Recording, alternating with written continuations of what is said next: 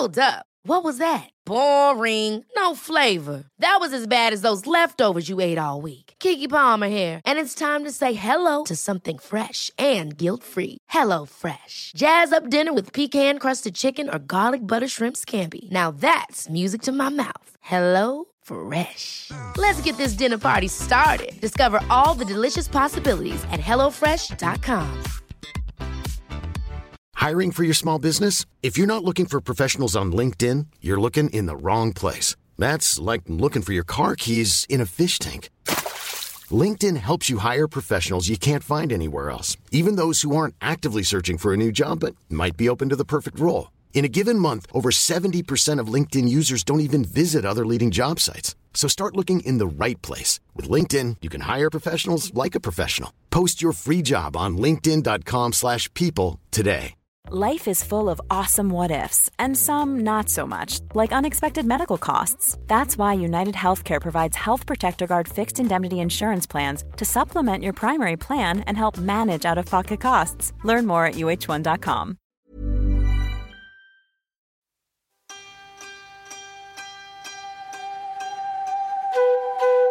Hej och välkomna till Psykologsnack, podden där vi pratar psykologi, psykisk hälsa och ohälsa. Idag har vi äran att ha med oss en gäst, nämligen Matilda Sandström. Välkommen Matilda, kul att ha dig här. Tack så jättemycket, jättekul att vara här. Ja. Eh, du är ju legitimerad psykolog och har startat företaget Nordic Psychology. Kan inte du berätta lite vad ni gör för något? Vi såg att inom psykologi och även inom vården generellt så finns det situationer där helt enkelt samtalet inte räcker. Man vill göra mer än samtalet. Man vill visa vad är det som händer med mig i de här situationerna? I vilka, hur blir jag när jag ställs inför det här problemet? Vad är det för tankar, känslor och beteenden som egentligen sker? Ehm, och eh, det är väl egentligen grunden till Nordic Psychology där vi arbetar med att införa VR, virtual reality, inom vården. Mm, vad spännande.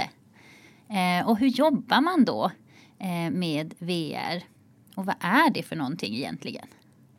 Ja, har någon av er testat det någon gång? Virtual reality, det är sådana headset som man sätter på eh, huvudet.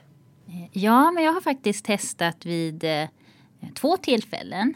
Eh, och det var ju väldigt spännande och fascinerande. Ena gången tror jag att jag var i någon skog och det var spindlar och ormar och det var otroligt läskigt. Jag hoppade till och skrek. Eh, och andra gången var jag uppe och vandrade på tak vilket också var eh, väldigt eh, spännande och hisnande får jag väl säga. Så det var häftigt men jag har inte testat det i behandling men bara lite sådär för nöjes skull. Coolt. Mm. Mm. Ja, men jag har också testat det um, i lite mera privata, personliga sammanhang kanske så. Ehm, jag har en sambo som är väldigt teknikintresserad så vi har en sån VR-glasögon hemma. Eh, så det har jag testat några gånger, att vara i lite olika miljöer och sådär. Eh, och sen så har jag också testat det när jag åkte eh, berg och dalbana i Köpenhamn. Där hade de liksom så att man kunde välja ifall om man ville åka berg och dalbana bara som vanligt liksom och se ut över ja, Köpenhamn. Eller om man vill sätta på sig ett par VR-glasögon då och liksom åka som berg dalbana i en annan miljö. Och jag är ju ganska höjdrädd så jag tänkte gud vad bra. Jag sätter på mig VR-glasögon så slipper jag liksom faktiskt se den riktiga höjden. Eh, men det var ganska läskigt ändå. Måste jag säga. Men det var liksom en, en overklig miljö kan man väl säga. Det var som att vara inne i ett tv-spel mer. Så att, eh, men jag blev väldigt, väldigt åksjuk. Så det är väl, ja, det är mina erfarenheter av det. Mm, mm. Så, mm. Och för er som inte har testat VR så kan det vara bra att veta att det är någonting helt annat än film. För allting annat stängs ute och man blir helt uppslukad av den här världen och man hör ljuden som är i den här, den här världen när man sätter på sig headsetet. Man kan flytta på grejer, man kan ändra grejer, man går, man flyttar sig, man vrider sig. Så att det uppfattas som väldigt verkligt och framför allt så är det våra hjärnor som tror att det är verkligt. Och det är det som ger oss fantastiska möjligheter när det kommer till, till VR inom vård. Om man då jobbar med det här kliniskt, alltså i vården, när använder man det då och vilka svårigheter och problem kan man behandla med hjälp av VR? Så vi levererar ju detta till privat och offentlig sjukvård. Och oavsett egentligen vilken, vilken liksom metodik som man arbetar utifrån så ser vi det som ett verktyg. Alla sammanhang där man på något sätt har nytta av att göra någon typ av ta in situationen i rummet helt enkelt så kan man nyttjas av VR. Och det är ju då allt ifrån fobier eller exponera sig för triggande situationer som beroenden. Man kan också göra det på liksom andra hållet om man tycker det är svårt att gå till psykologen, man tycker att rummet är lite läskigt och psykologen är lite läskig, man kanske är ett barn. Eh, då kan man istället få prata med Ari eller Tarzan eh, om det som är svårt för det kan vara lite lättare att prata med sin idol än, än en psykolog. Men jag har en fråga då. Kombinerar man eh, VR-behandling, alltså kan man se det som ett verktyg som man kombinerar tillsammans med eh, vanlig klassisk eh, till exempel KBT-behandling och exponering in vivo, alltså att man tränar i den verkliga världen? Absolut, och, och det är ju precis så som man jobbar. Så att detta är ju som ett första steg där man kan träna någonting under väldigt kontrollerade former. Och det är också en lättnad för den som ska behandlas för ofta är man kanske rädd för det man ska exponeras för, man tycker det är svårt. Och hjärnan funkar ju lite som stigar så att här har man möjligheten att ja, men har man social fobi så kan man träna sig på att någon kommer och sätter sig bredvid en på bussen och börjar chitchatta eh, oändligt många gånger tills man känner sig mer bekväm med det och då är det såklart lättare att börja göra det i verkligheten också eftersom vi då har programmerat om stigarna gärna lite men också eh, fått redskap för hur ska vi agera i den här situationen. Och har man inte social fobi så kan man ju tycka att det är läskigt att prata inför folk. Då kan man träna sig för att prata inför 100 pers, 1000 pers eller vad det nu kan vara Så man, man har framför sig. Så det kan vara allt från liksom lite enklare grejer till betydligt mer komplexa och svåra saker som man kan träna på. Och det där tänker jag, det är ju, ja, men, det är ju verkligen fantastiskt både utifrån ett liksom, pers patientperspektiv men också utifrån ja, men, perspektivet som behandlare. Det tänker jag när man själv har jobbat eh, kliniskt så har jag många gånger stått inför det problemet att man ser att en ja, men att en person skulle behöva exponeras för ja, men exempelvis hålla tal. Men det är väldigt svårt att, att få till det. Man kan inte bara gå in i en kyrka och fråga om man får hålla ett tal. Utan jag tänker att det här blir ju en väldigt stor hjälp då. Att kunna få träna sig, precis som du säger, att, att hålla exempelvis då ett tal. Ehm, att de här hindren blir färre för att man faktiskt får komma igång. Det blir liksom mer görbart och tillgängligt tycker i alla fall jag mig höra. Verkligen. Ju... Och även, de, även sådana miljöer ser vi som är kanske extra populära som är svåra. Så iscensätta tidigare trauma kan vara oerhört svårt att göra mm. i verkligheten. Flygfobi, det är, så här, det är ganska dyrt om du vill göra det tillsammans med din terapeut. Flyga fram och tillbaka och sen också upprätthålla det. Så, så där kan VR verkligen vara och de programmen ser vi också används mycket. Just de som inte går att ersätta med verkligheten. Vad som också växer just nu det är att alltså VR och behandling och just det här med klassiska med exponering. Det har funnits en lång tid tillbaka. Eh, och det exploderar nu för att, ja, egentligen tack vare spelindustrin så att tekniken blivit så enkel, användarvänlig men också kostar inte så mycket så att, så att man kan använda den inom, inom vården. Eh, men det, det, vi utvecklar och vad som också växer mycket förutom det här med miljöer och exponering det är ju övningar i VR där man kan göra övningar som helt enkelt är svåra att göra annars bland annat med dysmofobi där man har skevt eh, kroppsideal eh, så såg, såg professioner som arbetade med detta att det är väldigt svårt med sjukdomsinsikten. Och då har man tagit fram en, en miljö där man helt enkelt får välja själv ja, men utifrån alla de här kropparna vilken, vilken kropp är min kropp och sen väljer man en kropp. Eh, och sen hamnar man i ett annat VR-rum eh, där den här kroppen skuggas runt ens riktiga kropp samtidigt som man rör sig och ser att jaha, det här det här var inte min kropp och det ger som en aha-upplevelse för patienten att okej, okay, någonting objektivt visar mig. Jag ser faktiskt inte ut så som jag tror. Och det är ju helt enkelt bara för sjukdomsinsikten och för att se att ja, men jag har någonting att jobba med med min, med min bild av mig själv. Gud vad intressant. Jag har faktiskt inte tänkt på eller vetat om att man kan använda det alltså på det sättet och i den typen av behandlingar. Eh, fobier för så här, ja, men spindlar och eh, flygfobi till exempel. Det kanske jag har funderat på men inte, inte det här. Det är ju jättespännande att den utvecklingen sker. Håller med. Och det är, mycket, det är mycket där som det växer. Och depression är ju verkligen en, ja, men en folk, folksjukdom som som alla tror jag tillsammans verkligen vill råda bot på för det är oerhört sorgligt och tragiskt. Och eh, där finns det ny forskning inom VR som, som visar att ja, men, lyckohormoner aktiveras när vi utsätter oss för positiva situationer i VR-glasögonen. Och för en deprimerad patient så handlar det väldigt mycket om att göra saker för att aktivera sig själv och bli, må lite, lite bättre när man är riktigt, riktigt dålig. Och då kan det vara svårt att ta sig till psykologen. Det kan vara svårt att gå ut i skogen eller göra de här övningarna som är bra för en. Men det är lite enklare att bara dra på sig glasögonen och komma till eh, Thailand eller Vietnam eller resa till kinesiska muren eller vad man nu mår bra av att göra. Och då ökar det, eh, vad ska man säga, då gör det en lite, lite positivare i tillvaron och sen kanske man efter det orkar göra det man egentligen skulle göra idag. Mm. Och jag tänker att det är ju som du sa tidigare Sandra, det här med att man sänker tröskeln för att komma igång och träna på ett eh, beteende. Eh, men hur är det i forskning? Har man sett att, eh, att det här då ger en ökad följsamhet i, i behandlingen? Absolut. Eh, som sagt, eftersom det har funnits sen så långt tillbaka så är det oerhört beforskat. Och också alltid när man för in ny teknik och nya sätt att arbeta så kräver det en hel del forskning bakom sig. Vilket det finns på, på VR-behandling och alla de miljöer som vi arbetar med finns det, ja, men finns det forskningsbelägg och valideringsstudier på. För att såklart så ska det fungera, det man arbetar med. Och det som egentligen är, varför funkar det? Ja, det är inte för att verkligheten på något sätt är, skulle vara sämre än VR utan verkligheten är antagligen fortfarande bättre. Men vi för in mer av verkligheten i behandlingsrummet. Vi testar mer, hur blir det här på riktigt för dig? Istället för att personen själv bara ska återberätta saker och ting och försöka dra sig till minnes så kan vi faktiskt se. Och det är också betydligt lättare för patienten då att kunna visa för sin behandlare att men så här och så här är det som händer när jag dejtar till exempel. Det är det här som händer med mig och vad, hur ska vi göra nu? Mm. Så intressant. Eh, på hemsidan läste jag eh, också lite om och såg att man kan använda VR i terapeutisk avkopplingssyfte. Va, vad betyder det? Hur går det till? Det kan man göra på två sätt. Eh, det ena är det här liksom klassiska, men man ska träna sig på återhämtning, mindfulness. Eh, och då finns det personer som är jättebra på det. Och de ska bara fortsätta vara bra på det, för det är superbra. Eh, men de som inte är bra på det och tycker att det är svårt, eh, då kan VR vara som en hjälp på traven för att göra det lite mer kul.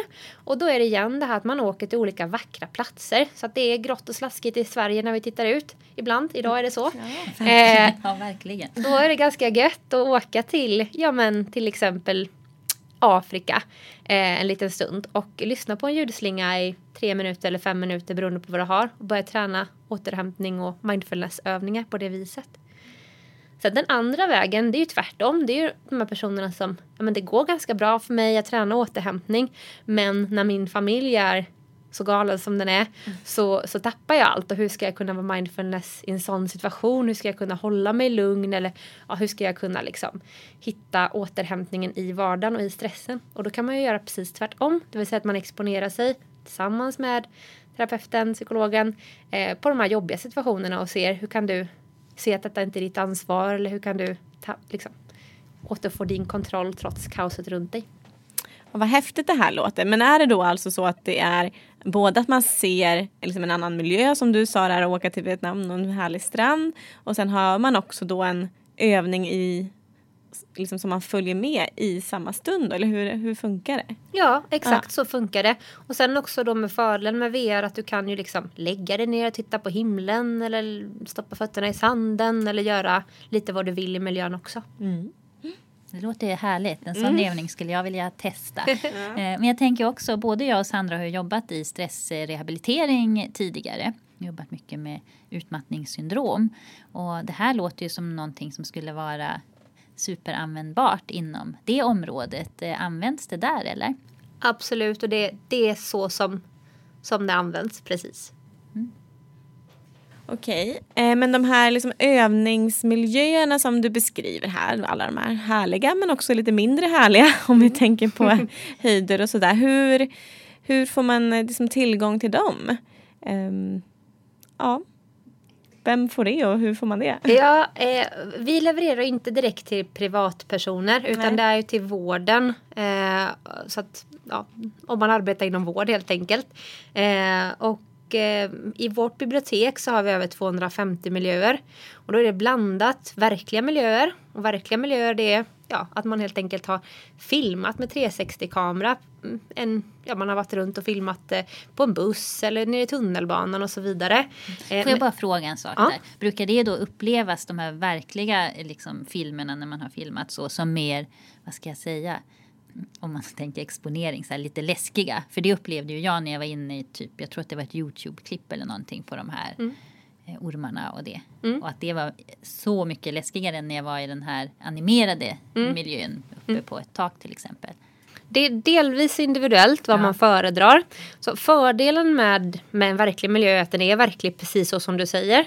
Medan fördelen med en animerad miljö är att du kan påverka den ännu mer. Så du kan flytta grejer, du kan ändra grejer, du kan liksom, om du går över en bro och du är höjdrädd så kan räckena ändras och det kan bli en glasbro. Så det kan bli lite mer effekter i en animerad miljö än vad som är möjligt såklart i en i en verklig miljö. Så det finns fördelar och nackdelar. Mm. Och det är därför också som så när man har gjort studier på detta och testat väldigt många människor så ser man att det blir nästan 50-50 vad man föredrar. Och då ser vi också till att ha det i utbudet att det är ungefär hälften verkligt och hälften eh, animerat. Så att för varje ut Alltså varje område så finns det både och så att, så att varje patient också kan välja vad som passar den personen. Men hur var det då? Går det att eh, anpassa och hitta nya miljöer och, och skapa dem eftersom? Eller hur, hur gör man då? Ja, och det gör ju vi hela tiden när man träffar verksamheten så stöter man alltid på nya, nya saker som man skulle vilja utveckla. Bara häromdagen så, så pratade jag med en, eh, en verksamhetschef som jobbade, där de jobbade mycket med ridterapi.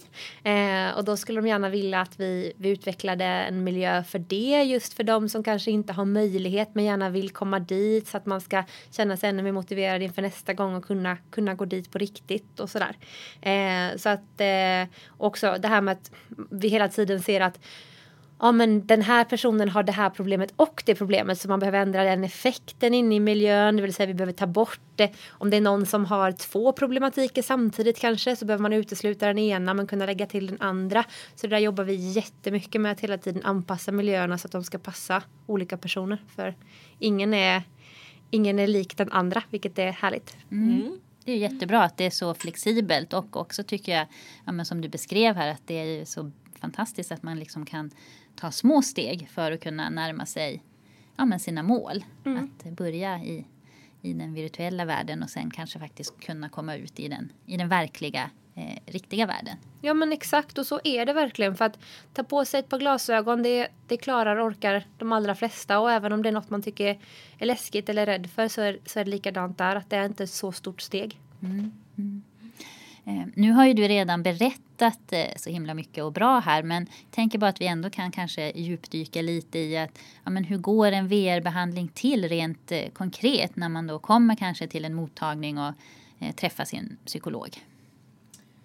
Ja, alltså det är ju såklart utifrån liksom vilke, vilken problematik har du och där är det ju igen går tillbaka till att utifrån problem så, så är det olika metodiker som lämpar sig olika bra helt enkelt.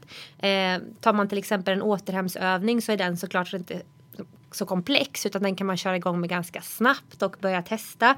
Medan jobbar man med ätstörningar så, så är det någonting annat eh, och, och, det krävs mer förarbete. Likadant såklart med eh, beroenden, alltså att, att man ska exponeras för något som är oerhört triggande för en. Det är ju någonting man gör i slutet av sin liksom, om man går en behandlingsplan eh, mer i slutet för att förbereda sig på hur blir det när jag kommer hem till mina ga eh, gamla vänner och gamla situationer.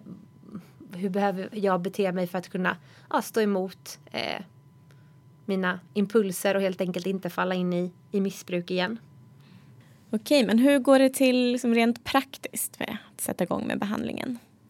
Då är det ganska enkelt så att man har det här headsetet som ser ut som glasögon eh, som man sätter sätter på sig helt enkelt och så trär man in i den här digitala VR-världen.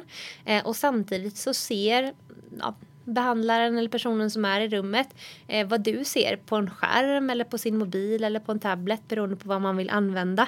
Och den personen kan också styra och ändra miljön för den som är i headsetet.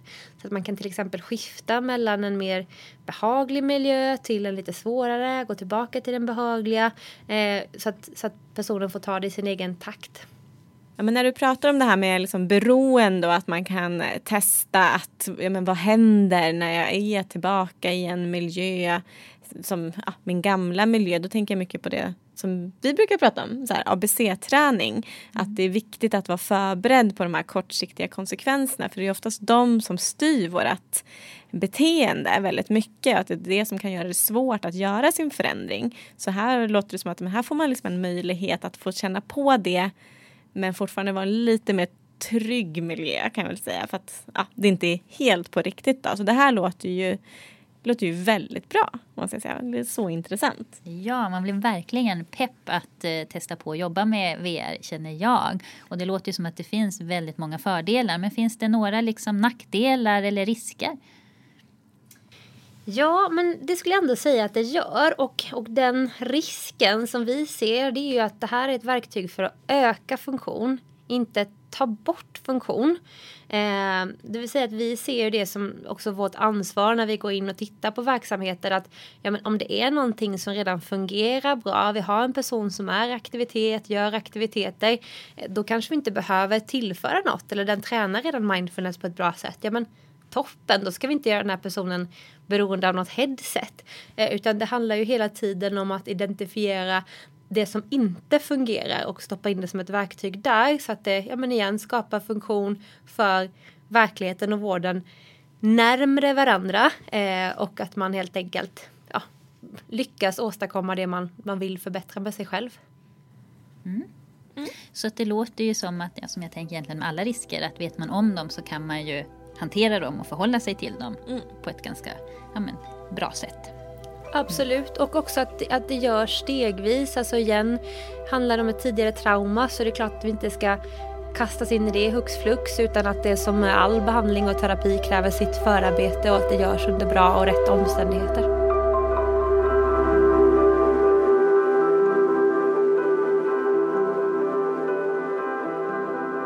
Okej, nu har du gått igenom lite olika liksom, eh, svårigheter som man kan behandla med VR. Men behöver man ha en diagnos för att kunna få liksom, behandling med VR?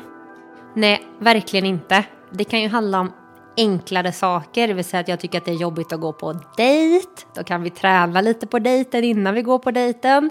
Inte exakt med den här mannen eller kvinnan du ska gå med då, men, men ändå. Eh, en sån situation. Eh, och om jag bara går till mig själv, jag är inte så bra på att ta emot negativ feedback. Jag gillar inte det, jag gillar att vara bra på grejer oftast. Jag hatar att vara dålig. Eh, ibland är jag dålig. Eh, och då måste man träna sig på att få höra det och ta emot det på ett bra sätt. Och här har jag ju möjligheten med VR att träna mig på det. Eh, och helt enkelt stå emot de här impulserna som händer i mig när någon säger någonting jag gjort som var dåligt. Och vara lugn, lyssna. Mm. Antagligen så har den här personen offrat ganska mycket för att våga säga det här till mig. Hur kan jag lyssna och ta till mig det på ett bra sätt? Och ja, få den att våga säga fler saker som jag kanske borde göra bättre. Mm. Just det.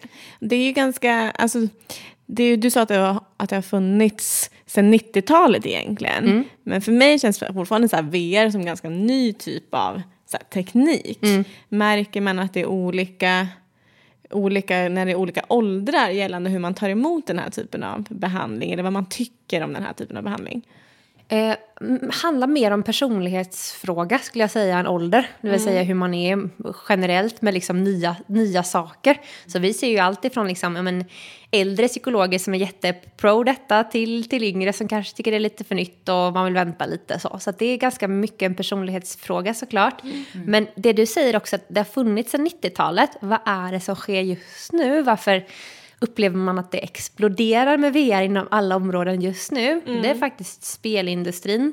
För att det här, när det här användes behandling i 90-talet så var det ganska avancerat. Mycket sladdar, inte så användarvänligt, väldigt dyrt. Och det mm. gör ju såklart att det inte är så många som kan jobba med det. Mm. Tack vare spelindustrin så har man drivit på hårdvaruutvecklingen. Så idag finns det alltså, ganska billig teknik som är riktigt bra eh, och väldigt lätt att använda. Och det gör ju att då psykologer, terapeuter, behandlare överlag kan börja använda det på ett helt annat sätt än vad man har kunnat tidigare. Just det. Och ja, men det är ju jättebra. Och när det gäller själva patienterna, eller de som faktiskt genomgår behandling, har man sett någon skillnad där i liksom hur mottaglig man är eller blir vissa, är det liksom åldersskillnad där? Är det någonting ni har fått någon feedback kring? Barn är kanske de allra enklaste, för där accepterar man det så direkt. Det vill säga att man går in i det här och det, liksom, det är väldigt enkelt på det viset. Det kanske redan är liksom en del, jag tänker all Ja. den här digitala tekniken i deras vardag, att de är uppväxta med det också. Ja, eh, äldre personer kan vara skeptiska inledningsvis tills de får testa någonting som, speciellt testa något som man kanske är lite rädd för och känna på den här känslan att oj, jag reagerar så som jag hade gjort i verkligheten och då blir man ju snarare, alltså en skeptiker som, som går från det till att vändas, då blir ju, de blir oftast väldigt pro sen när man har upplevt det själv. Men, men det handlar mycket om att uppleva själv. Alltså, jag hade läst massvis med forskning om detta men trodde kanske inte på det till 100 procent förrän jag fick testa själv. Det är då man inser att shit, det här har en riktig effekt. Mm, mm, Vad häftigt. Och jag kände ju när jag testade den här att jag blev lite illamående. Liksom, är det någonting som är vanligt? Det händer typ en på tio att man blir det. Det har ju lite att göra med liksom hur överlag och sen också lite vilka miljöer. Alltså, vi har sett, vi har en miljö där man eh, behandlar eh, bilfobi, alltså man kanske har varit med om trauma i trafiken eller bara är rädd för att köra bil eller åka bil. Där har vi sett lite större tendens till illamående just för att man rör sig, alltså det, det rör sig och du åker i en bil eller som du sa berg. Ja, den var ju väldigt rörlig. Ja, men de, men de som får problem med det så åksjuketablett fungerar. Så att då kan man ta det inför, då vet man ju det, så då tar man det inför sessionen och sen så blir det bättre. Så. Okej. Spännande med bilfobi, känner jag skulle behöva ut och eh, Åka öva lite. där, åka Ja. lite, köra lite. Stockholms innertrafik. ja, Ja, ja, men det, Ja. och det är ju faktiskt en ganska sund fobi. Alltså, det är ju intressant att vi har så många ormfobiker, hur många dör av ormbett i Sverige. Eh, men medan bilfobi kanske faktiskt är en lite mer vettig fobi att ha på så sätt. ja. Precis. Ja, men jag tycker att det var väldigt spännande det här du sa för en liten stund sedan också, att man faktiskt inte behöver ha en diagnos. Nej. Det går ju väldigt mycket i linje med som vi jobbar och med syftet med podden och allting, att kunna jobba så här preventivt Ja. innan. Att förebygga innan man behöver faktiskt utveckla kanske eh, svårare eh, problem och sådär. Att man blir begränsad i vardagen. Så det är ju superbra att det kan användas eh, så brett, tänker jag. Både i vård och utanför vården. Ja, jag ser gärna lite som liksom stigar. Och vill man trampa om en stig så måste man träna på det rätt många gånger. Ja. Och då kan det här vara ett verktyg för att kunna göra det. Ja. Ja, det är och det är ju någonting vi också oftast trycker på när Ja. vi pratat om olika typer av exponering. Att så här, men vad är det viktigaste med exponering? Ja, men det är att man planerar in det, att det blir gjort och att det blir ganska hög frekvens på det. Men vi vet ju också att det är det som oftast är den stora utmaningen. Att man ger en hemuppgift att exponera sig och sen är det, ja men det har varit svårt att helt enkelt hitta situationer för personen i fråga. Så att, och det blir ju det också ganska tungt att komma tillbaka till sin psykolog och säga nej men jag fick inte till det. Och här blir det liksom, det blir, det blir inte ett problem på samma sätt för då finns det. Men blir, kan de ta med sig glasögonen då och ha det mellan sessionerna att träna själv? Det är liksom så det, ja. Det, det, det är ett alternativ. Det beror lite på vilka glasögon som, eh, som eh, behandlaren arbetar med. Det finns liksom olika avancerade alternativ.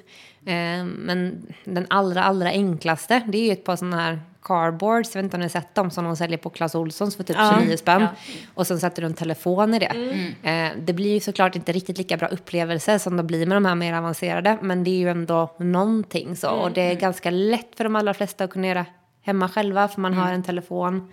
Ehm, Just det. Mm. Mm. Häftigt. Ja. Eh, Men om du nu skulle sammanfatta lite här, om vi börjar runda av lite. Vad är liksom de allra bästa eh, fördelarna med att använda VR, tycker du? Det är ju att, att hjärnan fortfarande tror att det är på riktigt. Så vi kan, vi kan träna vår hjärna i hur vi vill reagera. Vad vill jag tänka, känna och göra när jag ställs i den här situationen. Och sen också det här att det för vård och verklighet närmare varandra. Att man inte bara behöver sitta och berätta om saker och ting utan att det är ganska lätt att bara visa sin psykolog. Men så här är det när jag går på en dejt. Så här blir jag. Mm. Vad ska vi göra nu? Ja. Ja. Ja. Fantastiska fördelar som man, Verkligen. som man som behandlare bara känner ja, Ja. ge mig. Det vill här vill jag göra idag. Härligt. Ja. Om man är en behandlare som lyssnar och känner precis på det sättet, hur gör man då om man vill börja använda eh, det här VR-verktyget? Ja, men då får man ju gärna höra av sig. Eh, Ja. så, för vi jobbar mycket med liksom helhets, helhetslösningen. Dels ifrån men, vilken, vilka glasögon passar bäst utifrån hur du jobbar och er verksamhet. Och vilka program kan vara bra och behöver vi anpassa något specifikt till er? Det här som du var inne på, utveckla nytt. Så, så att där tar vi ett, ett helhetstänk. Sen är det väldigt olika. Norge är faktiskt lite före Sverige i just det här med VR-behandling. Så vi har ganska många kunder i Norge som är långt framme i detta. Och de har ju mer varit intresserade av bara programmen för de är redan så igång och kör. Medan eh, tar vi, vi jobbar med ett eh, LSS-boende just nu ute i eh, Skärholmen eh, som ska komma igång. Eh, och där har man inte gjort detta tidigare och då vill man ju mer ha utbildning och ja, Ja. så. Det är lite olika. Så ni erbjuder liksom allt från att då köpa det här programmen till Ja. en helhetslösning där man får utbildning och allting. Ja men exakt. Och vart ska man vända sig? Om man, vart hör man av sig någonstans? Ja, men man får jättegärna höra av sig till mig. Ja. Matilda Sandström på Nordic Psychology. Eller bara gå in på vår hemsida eh, som är nordicpsychology.se. Så står det kontaktuppgifter där. Ja, Mm, jättebra. jättebra. Och om man då lyssnar och eh, kanske känner att hmm, men jag har vissa utmaningar eller svårigheter och det här skulle jag verkligen vilja prova. Hur hittar man liksom vårdgivare som då använder sig av VR? Mm. Jag önskar att jag kunde säga bara kontakta vem som helst om har detta. Så kanske vi är om, Ja. om tio år så kanske vi är där. Så vill Ja. du vänta tio år kan du göra det. Eh, eller så har vi också som kontaktformulär på vår, på vår hemsida. Eh, för då, då tussar vi liksom ihop en med lämplig behandlare utifrån vilken problematik man har. Så att har vi någon eh, som som jobbar med oss, som vi vet jobbar med till exempel ätstörningar så kan ju det vara lämpligt. Eller någon som jobbar med socialfobi, som jobbar med VR, så, så har vi koll på dem som, som jobbar med det i, i Sverige i alla fall. Inte hela världen, men i Sverige. Ah, så då går man in på er hemsida? Ja, och bara kontakter. Ja. Toppen. Ja, men eh, spännande. Som sagt, eh, jag blir själv sugen att eh, testa på att använda mer av det här i, i mitt arbete i alla fall. Kul! Så också stort tack för att du ville komma hit idag. Så himla roligt att ha dig här och så spännande att få lära sig mer om det här. Mm, ja, stort tack, verkligen. Jag känner mig så inspirerad. Ja. Jag vill också komma igång med det här. Kanske gå hem till min sambo igen och testa de där VR-glasögonen igen. De har legat där ett tag och dammat lite, men nu kanske de får åka på igen. testa lite mer. Ja, men då är vi färdiga för idag. Så då vill vi återigen bara påminna om att vi finns på Instagram och vi finns på Facebook. Och kommer väl troligtvis också lägga ut lite så att man vet vart man ska vända sig om man vill veta mer om det här med VR-behandling. Och vi ska ta en bild på Matilda nu också som vi kan lägga ut. Ja. Får vi inte glömma. Så du får ett ansikte på den här rösten. Ja. Eh, och sen vill vi ju såklart som alltid säga tack till Ulf, eh, Solulf Svedlund som lånar ut sin eh, låt Pianot till podden. Tack så mycket. Tack så mycket, hej då!